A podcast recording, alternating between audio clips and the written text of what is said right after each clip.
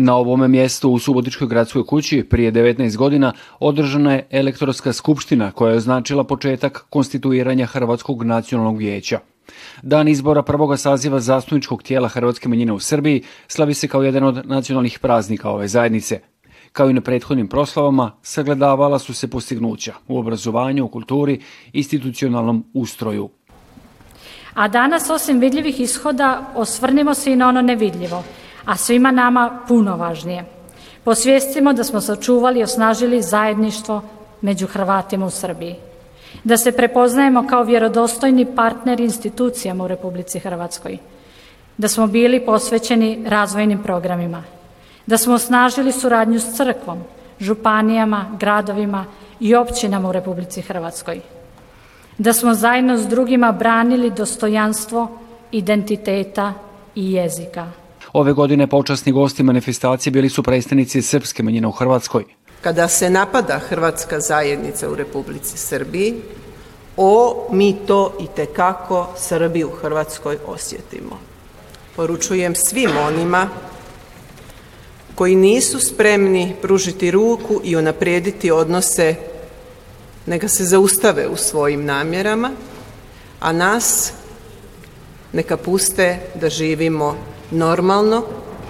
Izaslanik hrvatskog premijera na proslavi praznika hrvatske manjine Milan Bošnjak pohvalio je postignuća zajednice i pozitivne iskorake srpske vlasti, no upozorio je na njihove postupke koji otežavaju život hrvatskoj manjini i štete bilateralnim odnosima Srbije i Hrvatske. Kao lošu odluku ocijenio je proglašenje bunjevačke ikavice službenim nehrvatskim jezikom u Subotici. Dodao je kako nije rješeno ni pitanje zastupljenosti političkih predstavnika Hrvatske zajednice u parlamentu Srbije. Meni je bilo jako drago čuti da je gospođa Jeckov saborska zastupnica. Veselimo se trenutku kad će i u Narodnoj skupštini Republike Srbije netko od Hrvata biti odabran na posebnoj listi.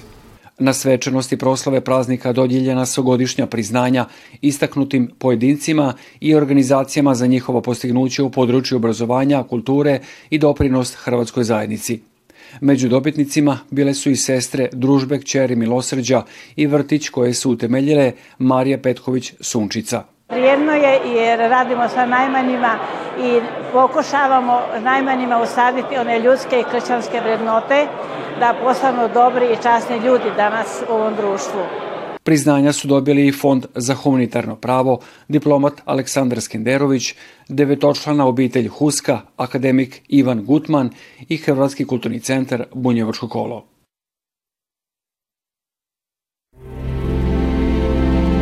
Gledate paletu. Izbor iz emisija na jezicima nacionalnih zajednica.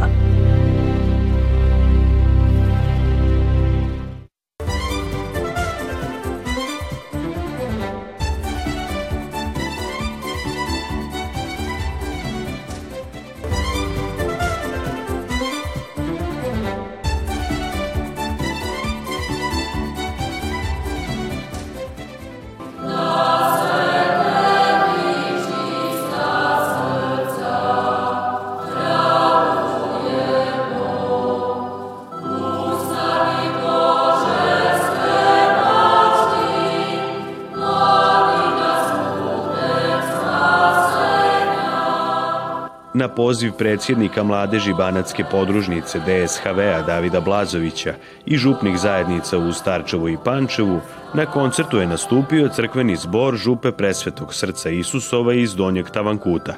Prvi dio nastupa zbora bile su adventske, a drugi dio božićne pjesme. Župnim zborom ravnala je Elizabeta Stojković. Drago mi je da je, evo, želim pohvaliti ovdje e, mladež DSKV-a koji su se uključili u organizaciju udrugu Banatskih Hrvata, samo tako napred, imate našu podršku, podržat ćemo vas na, i samo što više ovako i manifestacija. Večera smo imali priliku da pristupimo jednom prekrasnom božićnom koncertu. Gostovao je crkveni zbor srca Isusova i Stavankuta, bio je predivan nastup.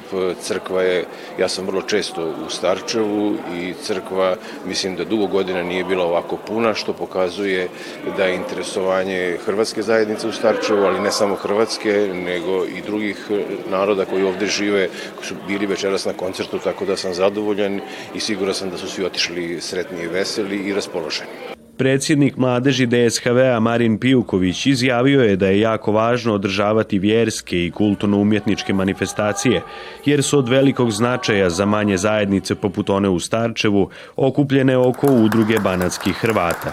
Valja napomenuti da je za ovaj događaj e, veliku potporu pružio Zavod za kulturu vojvođanskih Hrvata, to je jedina profesionalna institucija kulture Hrvata u Vojvodini i ona prepoznaje potrebe manjih sredina i potrebe Hrvata kako bi im se omogućio neki prostor gdje bi oni mogli imati neki, neki sadržaj, pogotovo sad u ovo blagdansko i predbožićno vrijeme. Poenta svega je da se priključe mladi iz svih delova i da se što više ovo organizuje kako u Subotici, Starčevu, dalje u Novom Sadu, Petroradinu, svuda.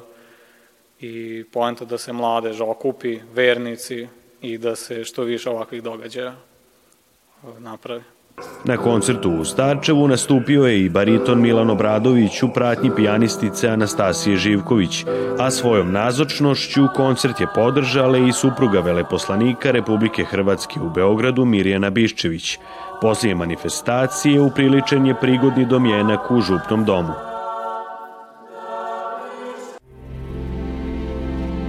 Gledate paletu. Izbor iz emisija na jezicima nacionalnih zajednica.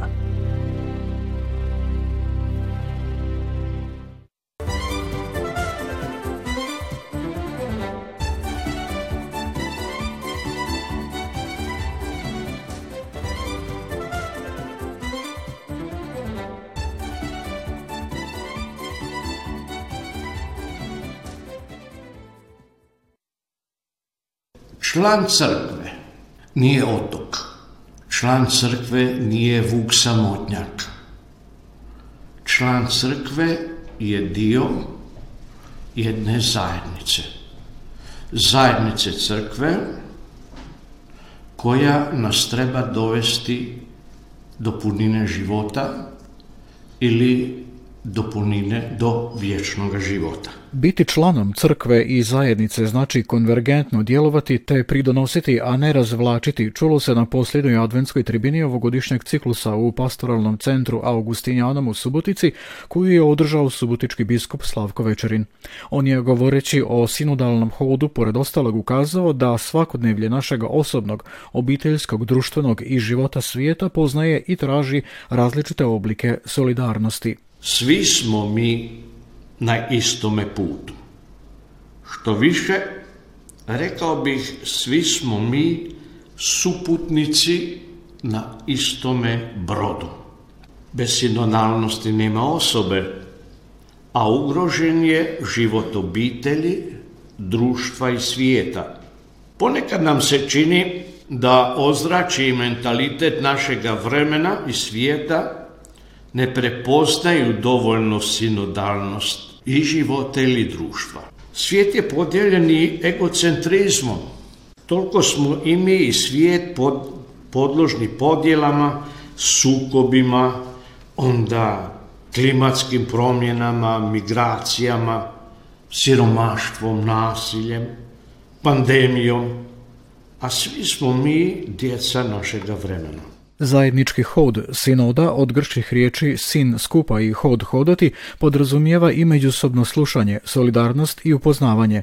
Tako su prisutni i prozborili na tu temu. Prvo je to da se moramo osloboditi tih naših predrasuda koje imamo jedni prema drugima. Znači moramo biti otvoreni i znati slušati jedni druge. To slušanje najčešće polazi iz tačke da svako od nas treba imati osobnu molitvu. Dakle, ja bez osluškivanja e, mog gospodina i Boga, ja ne znam kako mogu čuti bilo koga. Shvatio i gledajući sav taj svijet u crkvi u Keru, da ja ne poznajem polovicu ljudi. Idemo u taj, u taj krug koji nam je dobar, koji nam je lijep i koji se već ustalio, ali jako teško sada u taj krug privlačimo nekoga druga. Znači, tu treba biti možda nekad malo i konkretan. Znači, ajmo sada svako da upoznamo u sledeću sredsku nedelju jednog novog čovjeka koji je stalno kod nas u crkvi o kojemu mi ništa ne znamo. Od sinodalnog hoda ne očekujemo čuda, ipak i mali pomaci prepoznatljiv su znak odjeka i zahvata uskrsloga Krista u našoj sredini, zaključio je biskup Večerin.